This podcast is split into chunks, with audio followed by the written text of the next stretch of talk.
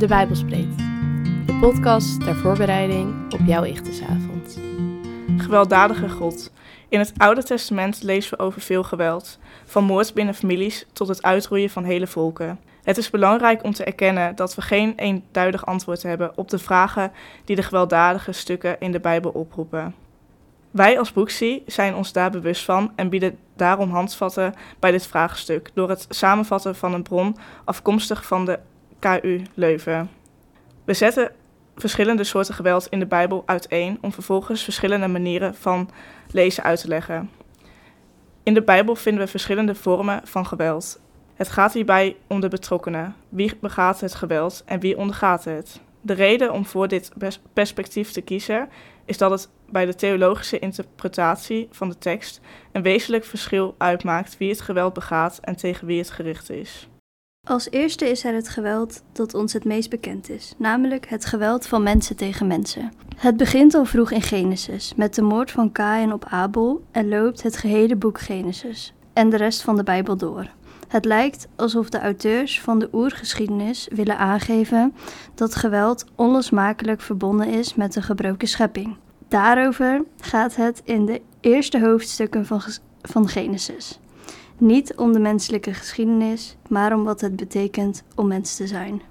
Een andere vorm van geweld is deze waarbij het initiatief niet uitgaat van mensen, maar van God zelf. Regelmatig lezen we hoe God optreedt tegen andere volkeren of aankondigt dat te zullen doen. Het gaat om volken die Israël kwaad hebben gedaan of die Israël kwaad zal doen. Als laatste zien we in de Bijbel het geweld van de lezers van de Bijbel. Hierbij gebruiken lezers de Bijbel als excuus voor het gebruiken van geweld. Denk aan de Holocaust, kruistochten of vormen van racisme. Zo is ook het geweld dat gemotiveerd wordt met de Bijbel een vorm van geweld. Teksten over geweld roepen vaak emoties bij ons op. Dit is goed, want het maakt ons kritisch. Er volgen drie tips om te helpen met deze kritische worsteling. Ten eerste is het belangrijk om een tekst in de historische en culturele context te plaatsen. Een voorbeeld daarvan is huiselijk geweld. Spreuken praat namelijk lovend over de vader die zijn zoon slaat om hem op te voeden. Het was in die tijd, en ook nu nog in veel culturen, heel gewoon, terwijl dat nu in Nederland absoluut uit den boze is. Deze context geldt ook voor oorlogen van die tijd. Die waren in de tijd van het Oude Testament vaak heel wreed. Vrouwen en kinderen werden daar niet buiten gelaten. De Israëlieten vielen vaak nog wel mee vergeleken met de Assyriërs bijvoorbeeld. Zij verheerlijkten geweld echt als het teken van macht en zo was geweld echt een doel op zich. Geweld door Israël was nooit een doel op zich. God verhield zich dus tot mensen die leefden in een tijd waarin geweld veel meer aan de orde van de dag was. Zo werd de gewelddadige kant van God ook voornamelijk belicht in de verhalen. Voor de schrijver was God een machtige God die in staat was om hele volken om te leggen voor het volk Israël. Zo lijken de schrijvers het geweld vaak te verheerlijken, terwijl die vaak niet weten hoe God naar al dit geweld keek. De manier van schrijven komt dus ook uit een bepaalde context en uit een bepaalde tijd. Het is dus menselijke taal uit die tijd. Als tweede tip is het goed om te weten dat het soms ook bijbels is, om het oneens te zijn of zelfs boos te zijn over de keuzes van God. Er wordt in de Bijbel veel geklaagd tegen het handelen van God. God is dan vaak ook bereid om te veranderen van gedachten of in discussie te gaan. In dat soort stukken is het belangrijk om te proberen een glimp op te vatten van wie God echt is.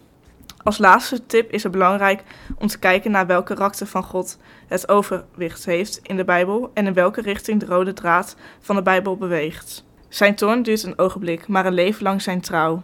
Een christen kan het Oude Testament nooit loslezen van het Nieuwe Testament.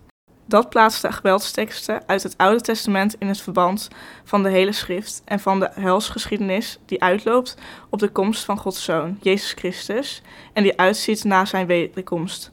Jezus zorgt ervoor dat we überhaupt iets te maken hebben met het Oude Testament. Hij is de enige die het Oude Testament relevant maakt voor ons. Daarom moeten we het Oude Testament door Christus heen lezen.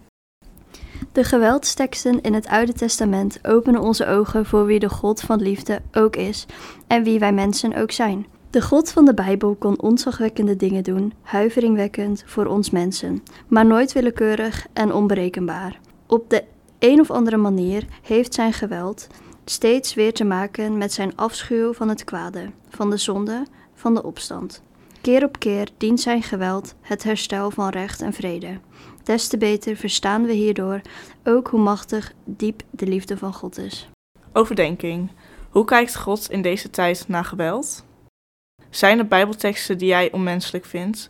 Hoe zie je dit in het licht van Gods liefde?